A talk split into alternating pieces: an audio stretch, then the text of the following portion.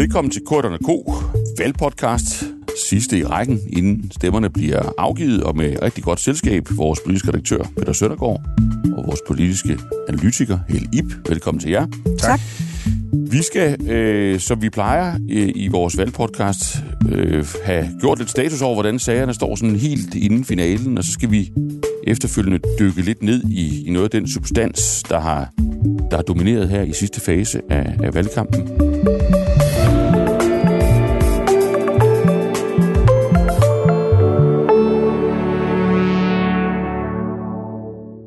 Vi kan starte her lige med at sige, altså, hvor er vi henne? Altså, hvad er det, vi slås om nu i sidste fase? Hvad er de to eller tre mulige udfald af det her, det her folketingsvalg? Nu tænker jeg ikke på, hvilken regering, der bliver dannet, fordi det vil, der skal vi vel have en hel serie podcast øh, i sig selv. Men i forhold til, til flertal, hvad er det så, vi kæmper om nu? Jamen, det er jo øh, en intens afgørende fase, hvor, hvor spørgsmålet er, om, om øh, lige nu, om det lykkes øh, rigtig mange, der har en interesse i det, at stikke en kæppe hjul på den øh, bjergetabe, Moderaterne og Lars Løkke er i gang med. Ja. Øh, for det helt afgørende er selvfølgelig, øh, bliver der rent rødt flertal, eller får øh, Lars Løkke de afgørende stemmer? Så det er der, den er henne. Altså, øh, altså der er jo selvfølgelig der er jo drama omkring Alternativet. Kommer de over spærregrænsen? Dansk Folkeparti kommer de over spærregrænsen? Konservative bliver det så skidt, at det bliver helt skidt. Øh, venstre lidt det samme. Men hvis man skal zoome ind, så handler det om, om man kan begrænse moderaternes fremgang i en grad, der gør, at der bliver rødt flertal. Ja, det gør det. Og jeg synes, man må sige, at valgkampen jo startede med, at øh, man så ud over en savanne, øh, hvor alle sådan set øh, stod op, øh, mere eller mindre stærke, ja. øh, raget mere eller mindre fint op i landskabet, til at nu er vi øh, gået ind i den øh, giftige fase, øh, som mest af alt minder mig om den der fabel om at have næret øh, en slange ved sit bryst. næret en slange? Kan du ikke... Nu er du jo... Øh Ja, er det, er det Bibelen, eller er det, er det andre fabler? Æ, det er Esops fabel, og det okay, går, den går i korthed ud på, at uh, hvis der er en bonde, der samler en, uh, en slange op, der er fuldstændig stiv, uh, stivfrossen, og, og putter den så ind til sin favn, og den uh, vågner så op, ja. øh, bliver levet op og bider så fra sig. Ja. Og, og jeg kom til at tænke på... Hvor er det, det, hvor er det episk. Vi har, vi har virkelig vi sådan savnet det der touch i, i podcasten, mens, øh, mens du har haft corona. Men ja. så, og, og hvem er slangen her? Jamen, så? jeg kom jo til at tænke på, at Mette Frederiksen var... Øh, Bunden? Enormt overskudsagtig og glad, da hun åbnede valgkampen med budskabet om, Danmark står i enorme kriser, mm. en kompleks situation, det kræver en bred regering hen over midten. Mm. Og øh, den forestilling har muligvis været med til at øh, nære Lars Løkke Rasmus, Rasmussens projekt, har i hvert fald bidraget til, at moderaterne nu har fået en så øh, øh, stærk kraft, en så afgørende stemme, både i de politiske debatter og i målingerne, at det er begyndt at true Socialdemokraternes magtposition. Og det er jo derfor, vi i de her dage ser massive angreb folde sig ud, øh, hvor Socialdemokrater, andre politikere fra Rød Blok, i øvrigt også Inger Støjberg, Danmarksdemokraterne, sender et signal om, at det vil være helt, helt forfærdeligt, hvis Lykke får øh, de afgørende mandater. Man vil tage folkepensionen fra pensionisterne og gennemføre en skattepolitik, som er hammerne blå og social. Mm. Så Peter Søndergaard, deler du den? Altså, du, du har jo været kaptajn på, på børsens valgkampsskib, og det er du stadigvæk. Øh, og, øh, og, og synes jeg sejlede fantastisk godt igennem, men jo også nogle gange, hvis vi skal være helt ærlige, været lidt frustreret over, at, at det hele måske stod lidt stille, ikke i børsens dækning, men sådan i valgkampen som sådan. Og nu, nu er det ligesom om, at, at handskerne kommer af her til sidst. Øh, deler du det indtryk, og, og forklarer du det på samme måde som Helib, eller altså at, at nu handler det hele om at få lykke ned med nakken? Ja, altså jeg er ikke så god til fabler. Jeg har mere tænkt øh, på valgkampen sådan øh, over i sådan uh, medicamenter, at den har været på valium i tre uger, nu er den nærmere kommet på speed. Ja, okay. Øhm, og og det, det, jeg synes, altså, det har jo på lange stræk været en lidt halvkedelig valgkamp, hvor, ja. hvor dagens øh, fix for at blive det sprogbrug, det har ja. været de her meningsmålinger, som jo har fløjet op og ned. Og øh, det har jo bare stået mere og mere klart, at jo flere målinger, der tigger ind, øh, jo større er sandsynligheden for, at øh, moderaterne står med de her afgørende stemmer. Og ja. det er jo Altså, det er virkelig interessant at se, om det angreb, Socialdemokratiet kommer med, som er meget, meget massivt øh, i de sidste øh, par dage her, og som med garanti kommer til at fortsætte frem til og med øh, tirsdag, om det har en effekt, eller om vælgerne øh, egentlig er blevet træt af skræmmekampagner, og de bedre kan lide, at folk de taler øh, ordentligt til hinanden, mm. og at det dermed risikerer at have den modsatte effekt. Øh, det er i hvert fald noget, jeg selv er meget spændt på at, at holde øje med øh, mm. i de kommende dage. Og så vil jeg sige, at det angreb, moderaterne bliver udsat for, det er klart, at det er mest massivt fra Socialdemokratiet, de andre støttepartier, øh, Arbejderbevægelsens Erhvervsråd, øh, er jo også øh, meget offensiv i i, øh, hvad skal man sige, bekæmpelsen af Lars Lykke. Øhm, men man ser det også fra den anden side, altså mm. hans øh, skattereform, jo, som, som nu skal have en række tekniske justeringer, må man forstå på øh, Moderaterne, er jo også blevet angrebet fra den modsatte side. Altså Cepos har jo flere gange øh, kritiseret øh, flere elementer i det her skatteudspil. Så det er jo sådan en øh, tofrontskrig, mm. øh, hvor den ene front godt nok er, øh, slår hårdere end den anden, men, øh, men øh, Lykke, han skal ligesom øh, parere slag fra begge sider. Ja, men prøv lige at forklare mig Øh, logikken eller psykologien i, i det, fordi hvad enten det er, er valium eller øh, slangevarmeri, øh, der har været tale om i, i velkampens første fase, så kan man sige, der, der var vel en form for rationalitet bag øh, den sådan noget tilbageholdende øh, form, man, man så fra, fra begge sider, fordi man har vel alligevel haft i baghovedet, både fra Mette Frederiksen, fra Jakob Ellemann, fra Søren Pape, at, øh, at, at nok, nok var der en, sådan et nulsumspil om stemmer med Lars Løkke, og en, en risiko for, at både han tog nogle af ens egne stemmer, og også at han fik en position, man egentlig ikke brød sig om, han skulle have. Men på den anden side, hvis det var nu var de faktiske forhold i jernindustrien, så kan man jo stå om ganske få døgn og, skulle, og altså skal giftes med ham. Øh, hvor, hvor, hvor er det rationale blevet af i, i henholdsvis baghovedet på, på, på de blå og de røde ledere? Altså er, de, er der, tror I ikke, der er nogen nervøsitet for at have, øh, for at have, have, have råbt og skrejet så afsindigt øh, af moderaterne, at man ville har skabt et problem for sig selv, hvis nu det ikke virker, øh, hvis nu han faktisk får et, et stærkt valg, sidder på de afgørende mandater, og man lige om lidt skal til at forklare, hvorfor man er, er parat til ikke alene at samarbejde, men måske endda at gå i regering med ham? Der er i hvert fald for Blå Bloks vedkommende øh, noget, man kan undre sig over. Og det ene er jo, at, at det, det viste sig jo i løbet af de første uger, at det er Lykke, der har potentialet øh, til at trække nogle stemmer over midten. Øh, hvor det før ellers næsten kun har været Jakob Ellemann, der måske øh, i hvert fald havde den ambition i Blå Blok. Og så kan man sige, så burde man jo være glad for øh, lykkes eksistens i det hele taget, og at moderaterne har satset på det her midterprojekt.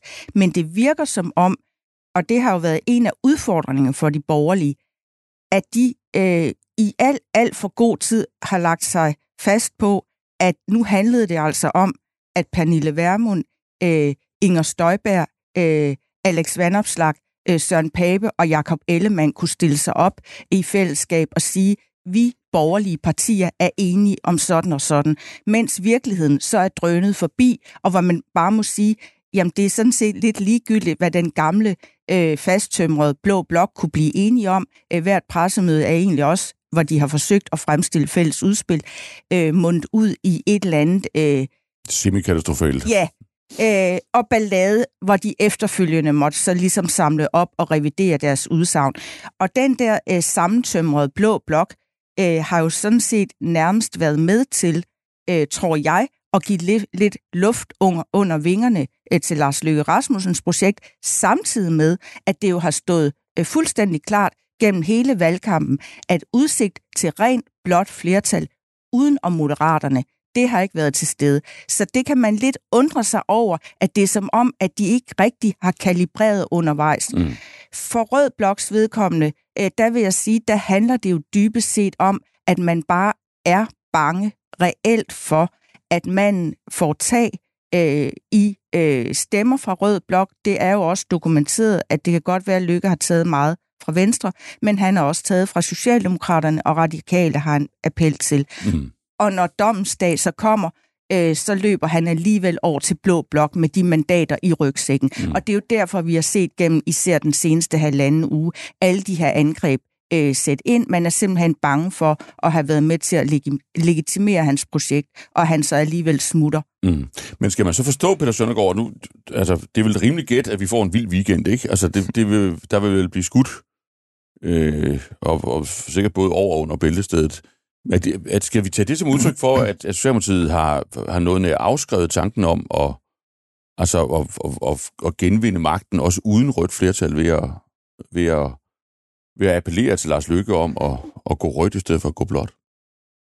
Altså, jeg tror, hvis Moderaterne har de afgørende mandater, så skal man slet ikke udelukke, at han jo stadigvæk godt kan gå, gå til rød mm. side. Altså, der, man kunne sagtens se for sig en, øh, øh, for eksempel en SM-regering i det scenarie, og jeg mener faktisk også, at øh, Lars Lykke, han øh, med sådan relativt øh, god overbevisning kunne sige, at en SM-regering i tilfælde af et rent rødt flertal kan holde yderfløjene ude, fordi der er en vis sandsynlighed for, at man dermed ikke er afhængig af øh, enhedslistens mandater for at kunne tælle til 90. Det er selvfølgelig umuligt at sige før tirsdag nat, hvordan øh, det falder ud, men, men hvis der er rent rødt flertal, øh, og man erstatter enhedslistens mandater med moderaternes, så kan det give 90 mandater, og det kan være det, der gør, at Lars Lykke han siger, jamen, vi har holdt yderfløjen ude, jeg fik ikke så bred en regering, jeg gerne vil have, det er kompromisernes tid, og vi må bøje os mod hinanden, og bla bla bla, mm. øh, og, og så kan han få et, øh, et stærkt ministerium. Men det, der er problemet for Mette Frederiksen, øh, er jo, at hvis moderaterne får de afgørende øh, mandater, så er det i hvert fald øh, fuldstændig udelukket, at en øh, S-solo-regering, som vi har nu, mm. kan fortsætte efter valget. Og så kan det godt være, at hun stod ved øh, valgkampens øh, begyndelse og sagde, at øh, hendes første prioritet var en regering hen over midten. Øh, men som vi også selv har skrevet i børsen, og som flere andre medier har beskrevet, øh, så er der ikke sådan øh, den sådan helt store tro på, at det nogensinde kan blive til virkelighed. Ja. Øh, og, øh, og det ved Mette Frederiksen selvfølgelig også godt. Øh, det vil selvfølgelig støde mod en mur, øh, lige så snart man øh, spørger Jakob Ellemann og Søren Pape, om ikke de vil være med i en regering, hvor Mette Frederiksen er statsminister. De har bygget en hel valgkamp op på, at hun ikke skal fortsætte som statsminister. Så det kommer jo selvfølgelig ikke til at ske. Mm. Og i det røde flertalsscenarie vil der være en vej ud for Mette Frederiksen til at fortsætte sin S-solo-regering. Den for- mulighed forsvinder fuldstændig, hvis Moderaterne har de afgørende mandater. Det vil mm. Lars Lykke selvfølgelig aldrig nogensinde tillade, fordi så spiller han i hvert fald sin kort øh, virkelig, virkelig dårligt. Ja.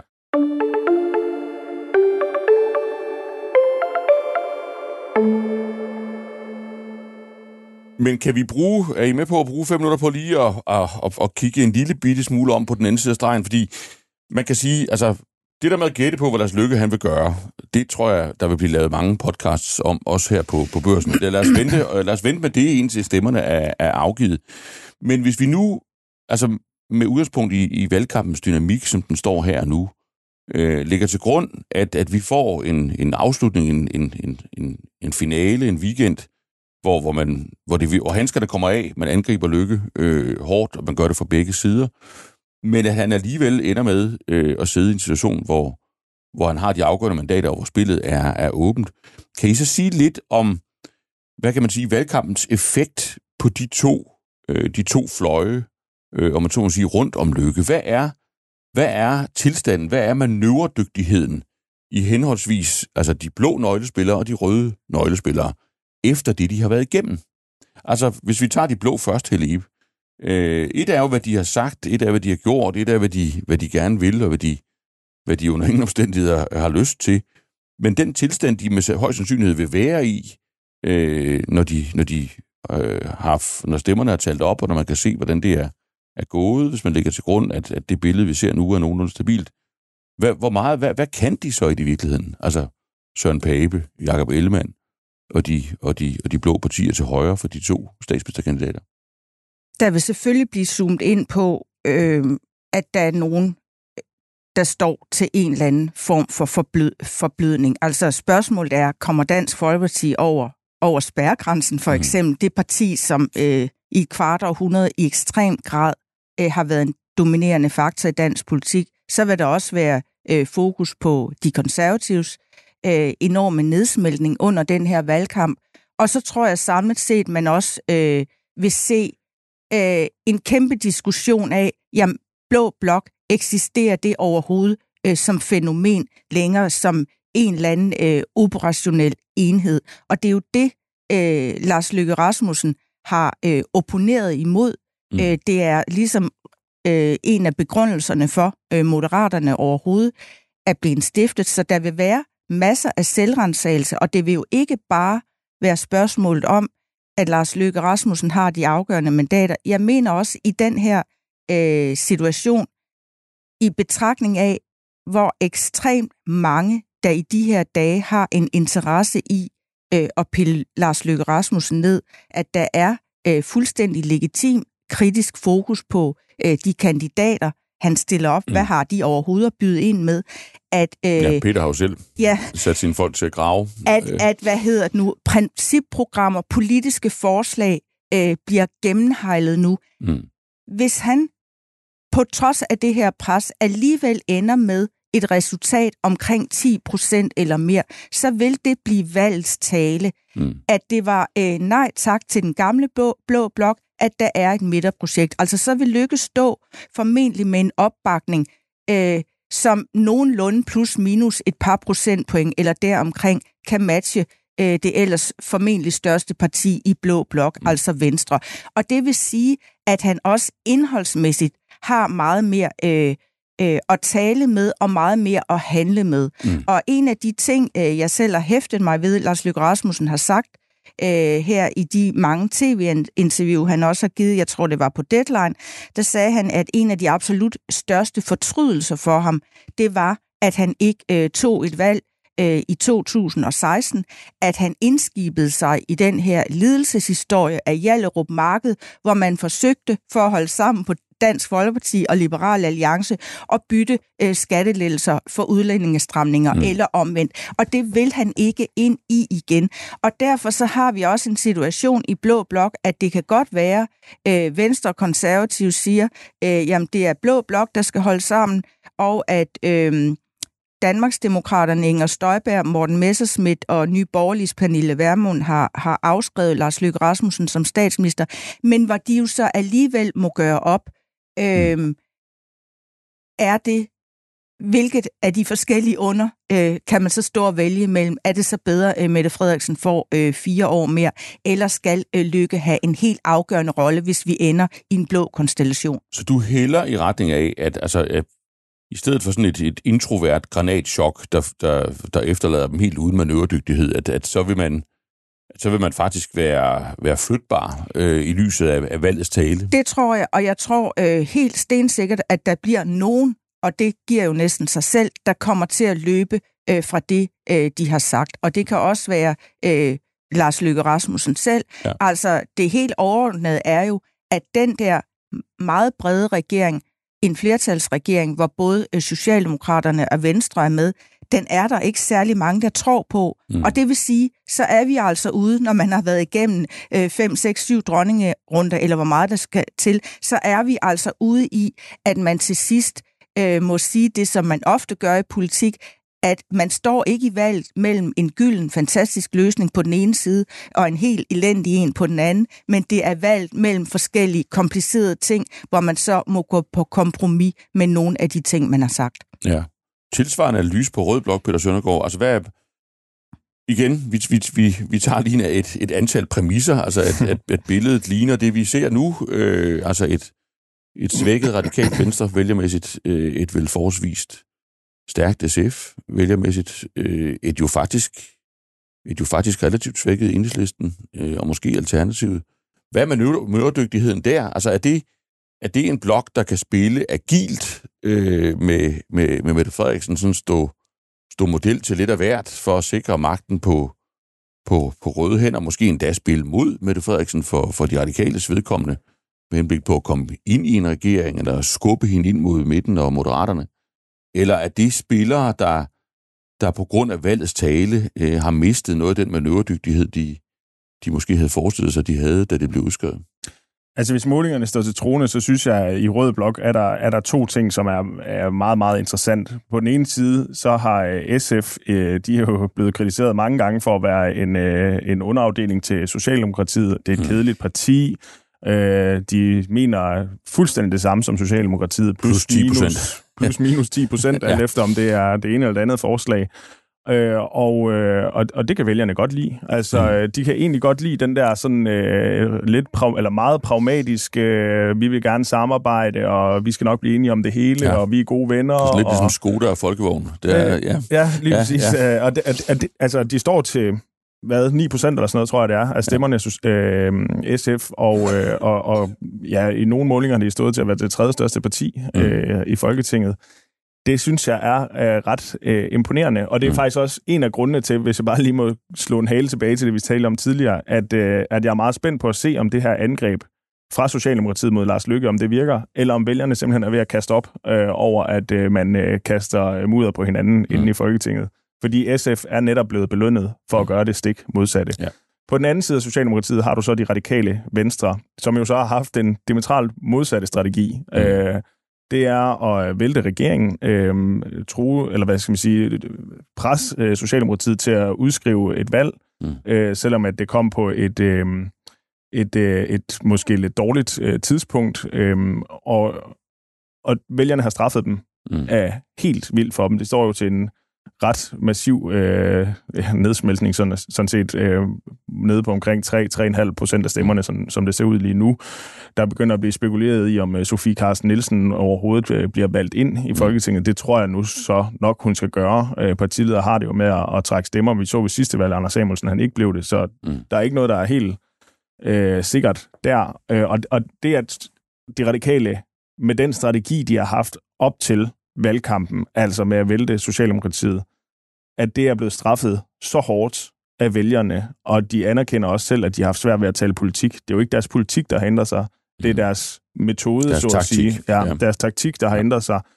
Det har vælgerne straffet, og jeg har simpelthen så svært ved at se, at, øh, at øh, Sofie Carsten Nielsen, hvis hun fortsat er, er partileder øh, i næste uge, skal gå ud og, og stå med bål og brand og true Mette Frederiksen med alt muligt, med sine øh, måske 5, 6, 7, 8 øh, mandater.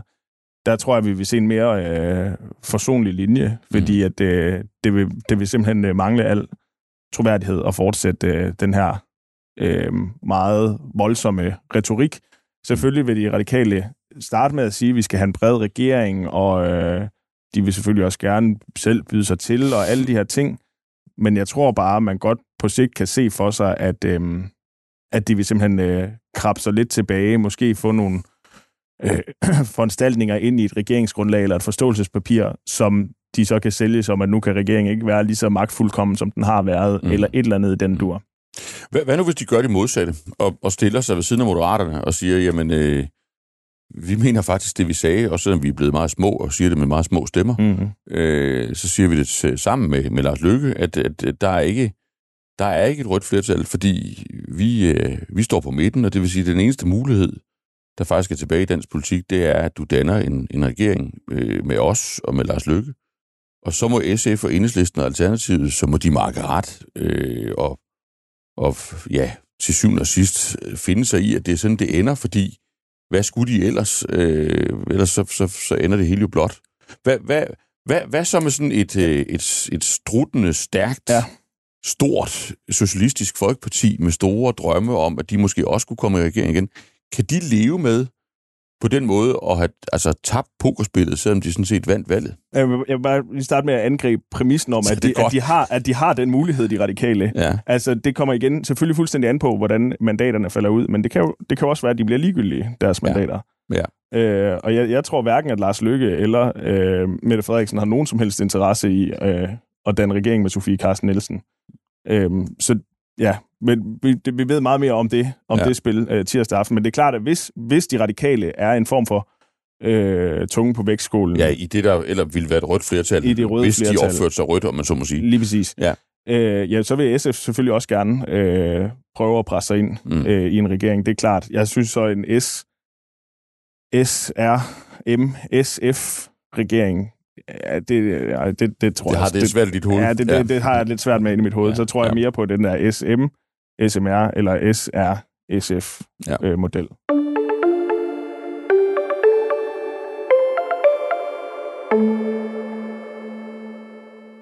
Godt. Lad os prøve at vende øh, blikket i, mod substansen, øh, efter at have været tro mod valgkampens logik øh, og startet med, med at tale dynamik.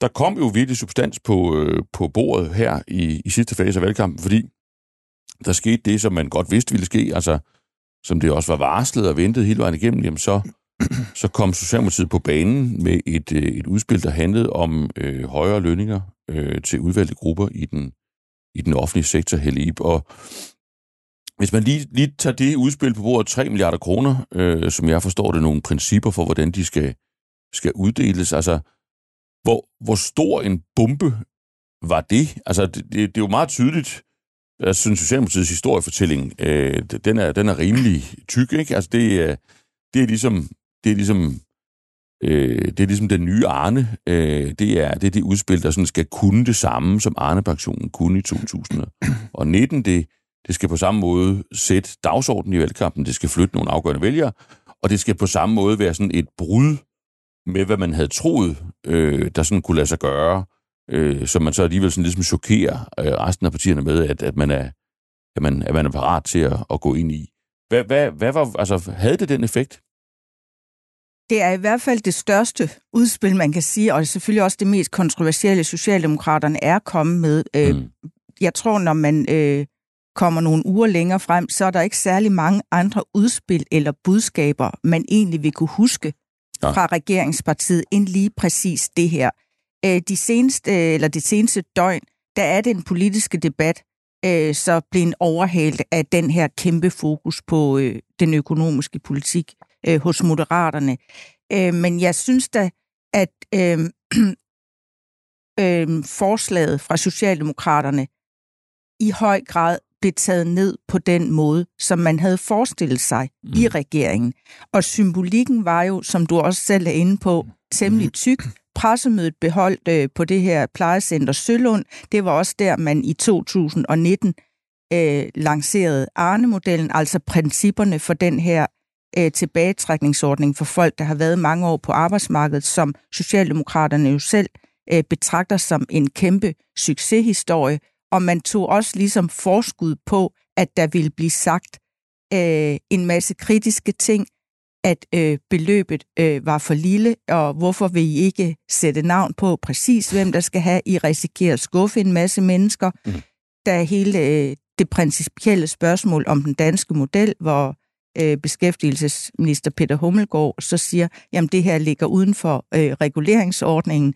Et meget smart greb, kan man sige, og den der reguleringsordning... Det må altså lige forklare, den, tror jeg. Ja, og det er en ordning, der simpelthen skal sikre, at de offentlige og private lønninger øh, følges ad i et eller andet omfang, dog på en måde, så det private altid skal være lønførende, for det er jo dem, øh, der har øh, de konkurrenceudsatte ting, der gør, at altså hvis lønningerne stikker af i det offentlige, kan det jo ende med, at, øh, at vores konkurrencekraft simpelthen bliver øh, svækket eller mm. sat over styr, og dermed ender der også med at være øh, på lang sigt kan være problemer med overhovedet at finansiere velfærdssamfundet. Så derfor har der i rigtig mange år øh, været den her model, den danske model om, at for det første er, at arbejdsmarkedets parter, øh, det er dem, der forhandler om løn, og så den her reguleringsordning, øh, der sikrer, det private er førende. Og det er jo klart, der kommer kritiske røster om, at man så ikke inde og røre ved det her, mm. når øh, de offentlige pludselig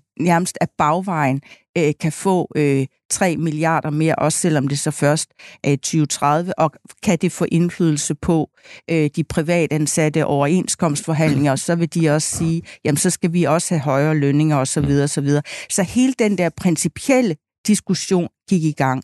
Øh, men Socialdemokraterne står jo på den øh, fortælling, som jeg tror muligvis øh, gør mere indtryk på vælgerne end nogle af de her lidt mere øh, tekniske betragtninger om, hvordan øh, lønforholdene er mellem øh, den private og den offentlige sektor. Og det er jo det der spørgsmål om rekruttering. Altså hvis folk kan se rundt omkring, at øh, operationer ikke kan blive gennemført, at de ældre ikke kan blive passet, at der ikke er pædagoger nok, og det også har noget med lønniveauet at gøre, så er det jo ikke bare en udfordring for de mennesker, der arbejder eller er utilfredse i den offentlige sektor, eller sygeplejersker, der øh, flygter til Norge, fordi der kan de tjene mange flere penge, mm. jamen så er det jo også øh, øh, en udfordring, som kan mærkes også af de privatansatte, der er afhængige af, at der er øh, nogle institutioner i velfærdssamfundet, der fungerer. Mm.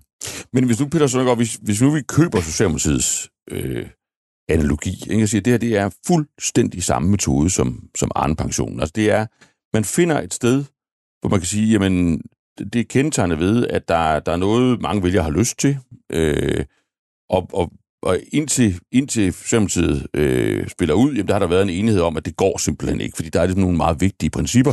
Når det galt Arne-pensionen, så var det jo princippet om, at jamen, vi bliver nødt til at have øh, stigende pensionsalder i, i, i takt med, at vi bliver ældre, fordi ellers så kan vi ikke finansiere velfærdsstaten, og det, det har vi også lavet aftaler om, og hvis man bryder dem, så er det, så er det helt forfærdeligt.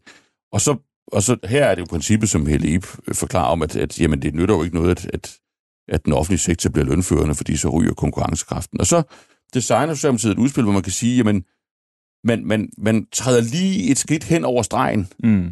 øh, og, og på den ene side, så, så, så provokerer man en masse opmærksomhed frem, fordi det burde man egentlig ikke have lov til. På den anden side, så siger man, jo, det kan vi godt. Et skridt kan vi godt. Mm. To eller tre, det gør vi ikke. Men et skridt kan vi godt.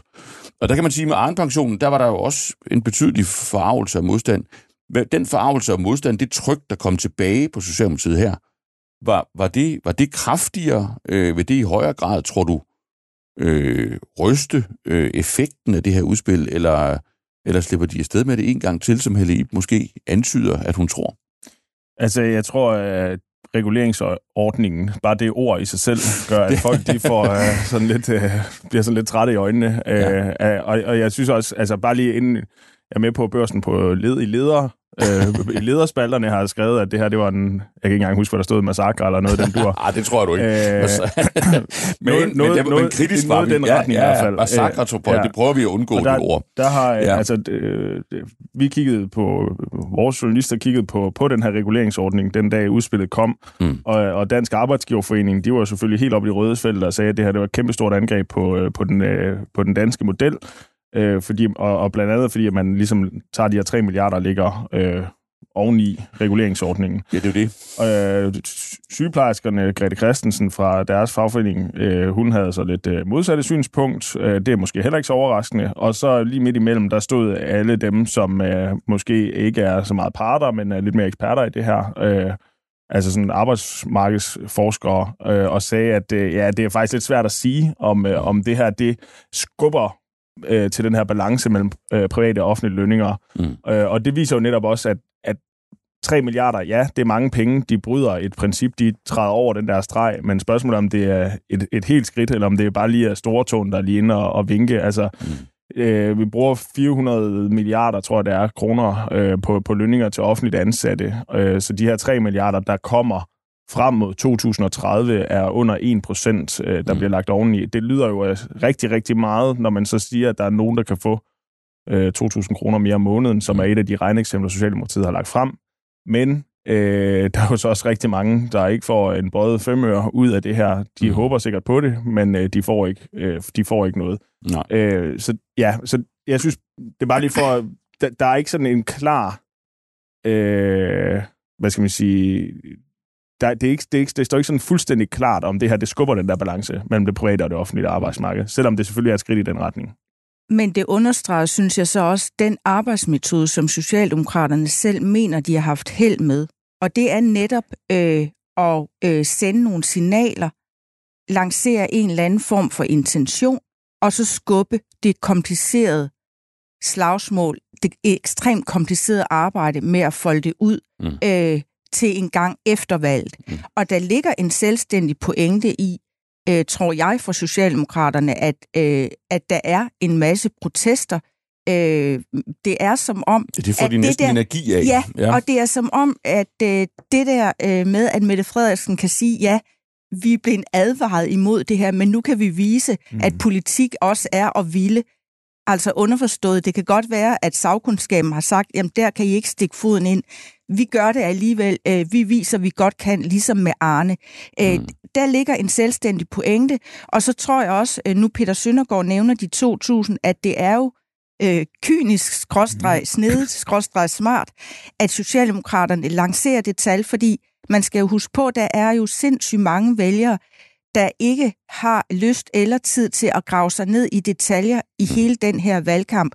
Og det her med 2.000 om måneden, i år 2030, som vi så skal frem til, det er jo et fuldstændig fiktivt regneeksempel, fordi der skal jo først øh, være trepart og overenskomstforhandlinger og øh, alle mulige øh, nørklerier, før man så finder ud af, hvordan skal det indfases, hvor mange skal have, øh, og hvilke beløb.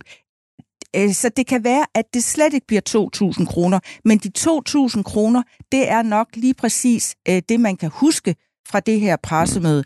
Og så kan det godt være, at der er mange, der tænker, at det kan man kun få øh, et halvt par sko for øh, mm. med dagens inflationstal, men det er dog formentlig bedre end det, øh, Blå Blok øh, vil levere, som er sådan lidt mere øh, kryptiske øh, forklaringer om, øh, jamen der kan være nogen, der skal have et ekstra øh, tilskud fra at gå fra, øh, fra øh, deltid til fuldtid, mm. eller en pakke, der måske kun skal virke et halvt år eller noget. Og hvad tænker I, jeg kan jo godt høre, hvor I læner jer hen i vurderingsmæssigt, øh, men hvad tænker I om, altså to ting, dels at, at i forhold til Arne Pension, hvor man kan sige, at dem, der skulle betale for Arne Pension, det var jo det var alle skatteyder på en gang, og det, det, det er jo på sådan en rimelig diffus størrelse, men her her ligger der jo en diskussion om, at kan det virkelig være rigtigt, når man er privat ansat, øh, arbejder på et slagteri, øh, sidder ved kassen i Netto, at så skal man have en lavere lønstigning øh, end folk, der er offentligt ansatte, fordi dem holder politikerne mere med, end, end dem, der arbejder i den private sektor, for det første. Og for det andet, at det kommer så sent. Øh, altså, at mm. det kommer i en slutspurt øh, allersidst i en valgkamp, som man måske ligger til at tabe, øh, og, og, og det dermed jo ligner valgflæsk øh, en hel del mere, end anden pensionen nogensinde gør, gjorde. Altså, tænker I, det har nogen betydning for effekten, altså øh, for hvor godt det virker stemmemæssigt, eller tænker I, at, at øh, det faktisk sejler fint igennem? Jeg, jeg tror, det sejler ret fint igennem, øh, faktisk. Og, det, og jeg synes, det her med, at det ligger så sent i valgkampen, altså det ligger en uge før, før, valg, øh, før valgdagen, eller seks dage. Det var vist, det var onsdags, ja. Det, det hele flyder lidt sammen i de her dage. ja, du øh, sover ikke så meget. Nej, ikke så meget, nej. Men, men, men jeg synes, noget, som jeg selv har hæftet mig ved, som jeg nu ved jeg godt, det her det er substansafsnittet i podcasten. Ja, ja, ja. Nu går jeg altså lige i processporet igen. Ja. Jeg synes bare, der er noget virkelig interessant i, at øh, de kommer med det her udspil onsdag, øh, og torsdag, der er, øh, altså torsdags øh, både onsdags- og torsdagsfladen i øh, alle danske medier var fuldstændig ryddet med det her. Mm. Og så lige bagefter, når øh, alle journalister skal til at sidde virkelig og grave sig ned i detaljerne og finde de ømme punkter, for dem er der mange af, mm. øh, så retter Socialdemokratiet et massivt skyts over mod Lars Lykke. Og der ved de jo godt, at vi journalister, vi er så utrolig simple. Ja, så smider, at, øh, så, smider, så smider vi, så smider vi alt det substantielle og tekniske og kedelige og siger, det må vi kigge på på et andet tidspunkt. Nu er der krig og ballade, ja. og det er der valgkampens nave, den ligger, og ja. alle de her ting. Og så husker folk de der 2.000 kroner, som Helle også er inde på. Øh, det er jo et før skat, så det passer jo faktisk med et halvt par sko, hvis vi skal blive den, øh, ja, den her terminologi. det kommer vel an på, hvad for nogle sko man sådan er vant til at gå i. Ja, men, ja. Øh, men ja, ja det, så alle de tekniske ting, der kommer til at være masser af ballade om det på den anden side af et valg, mm. og der kommer sikkert også flere historier. Det er jo ikke sådan, at alle journalister øh, smider det fuldstændig fra sig. Ja. Men det, der fylder i valgkampen nu, det er den der krig, der kommer til at være mellem Socialdemokratiet og Moderaterne øh, mm. frem til på tirsdag. Mm. Øh, og, og så kommer vi ikke lige ind på det her med, i hvert fald ikke i samme grad, at jamen det vender det hele på hovedet, fordi når de private overenskomster skal forhandles på plads øh, til foråret, øh, hvad betyder det så? Altså, øh, vil de stå på forhånd og kræve flere penge, fordi de kan se, at de offentligt ansatte de er blevet lovet 3 milliarder kroner mere, som de mm. får lige om lidt? Altså, kan det risikere at skubbe til den der lønspiral, som der er så meget frygt øh, for, at, øh, at øh, de private ansatte, de går på barrikaderne, øh, mm. så at sige, og, og kræver mere løn? Det er den ene ting. Det andet er, at, øh, at det her er egentlig bare fordi, at sygeplejerskerne de strækkede sidste år, mm. øh, og nu øh, viser det sig så, at øh, hvis man strækker, jamen, så bøjer Socialdemokratiet af og giver dem nogle flere penge. Godt nok er lidt nogle omveje, jeg vil ikke sige direkte sygeplejerskerne, men alle kan jo se, at det er sygeplejerskerne, Socialdemokratiet tænker på, og sosuerne, mm. øh, jordmøderne osv., Øh, hvad betyder det? Altså, øh, er der så nogle, er der andre grupper, der, der strækker lige om lidt? Kommer vi til at have sådan øh, kaotiske år, hvor vi ser strække på strække på strække, fordi at Socialdemokratiet jo bare øh, nikker og, og, og siger, jamen så får I 3 milliarder mere. Og hvad ja. betyder det så? Altså er det sådan en, en, en snibbold, der er umulig at stoppe igen? Mm. Alt det her, det kommer til at blive diskuteret. Men bagefter. Og det bliver bare først efter valget, ja. fordi der er noget, der er endnu mere, altså der fylder endnu mere lige nu her. Ja. Godt. Vi fik både dækket processen og, og substansen. Er der andet, I holder øje med her i sidste fase? Ja, det gør jeg. Der er der noget, jeg holder øje med. Ja. Uh, men det er jo sådan mere sådan noget rygtebørs. Uh, Der er jo meget snak om Lars Lykkes øh, ministerhold. Ja. Hvordan det kommer til at se ud. I så fald, han skulle gå hen og blive minister, så er der jo meget snak om, at nu har vi, vi var inde på dem tidligere, de her kandidater, der er i Moderaterne. Det, der, det forlyder, at det ikke er dem alle sammen, der ligesom har øh, det, der skal til for at kunne tage en ministerpost. Og et af de navne, som jo går igen på, øh, på rygtebørsen, det er Bjarne Korydon. ja, ja, det er det. Skal du være minister i en... Øh, i, hvis, Lars Lykke, hvis Lars Lykke han ringer og spørger dig. Jeg tror, han ringer og spørger dig. Det tror du simpelthen, ja. det er din vurdering. Hvad for en ministerpost siger du så ja til? Jamen, det, jeg tror, at jeg, at jeg skal være din chef nu. Øh, det, jeg synes jo simpelthen, det er så fornøjeligt at lave podcast, og det tænker jeg, der er, er, er begrænset adgang til på, på ministerholdet. Og, så må ikke, må ikke vi skal arbejde sammen mange år fremadrettet. Hvad nu, hvis han bliver statsminister, og han tilbyder dig posten som finansminister? ja, ja, men altså, altså, podcast er jo på mange måder det fedeste, ikke? Så skal vi ikke prøve at holde fast i det, i hvert fald indtil videre. Okay. Det var en afvisning. Det tager vi så som en garanti. Det, tager, ja, det, er, meget, det er meget godt uh, kapret af, af jer to, ikke? Uh, men uh, jeg synes jo... Altså, nu Kender har du det jeg, udtryk, der hedder non-denial? Denial? Nu, nu har jeg jo kæmpet mig ud af politik, og, og har det enormt godt i jeres uh, selskab, og så skal man da virkelig tænke sig godt om, før man sætter det over styr.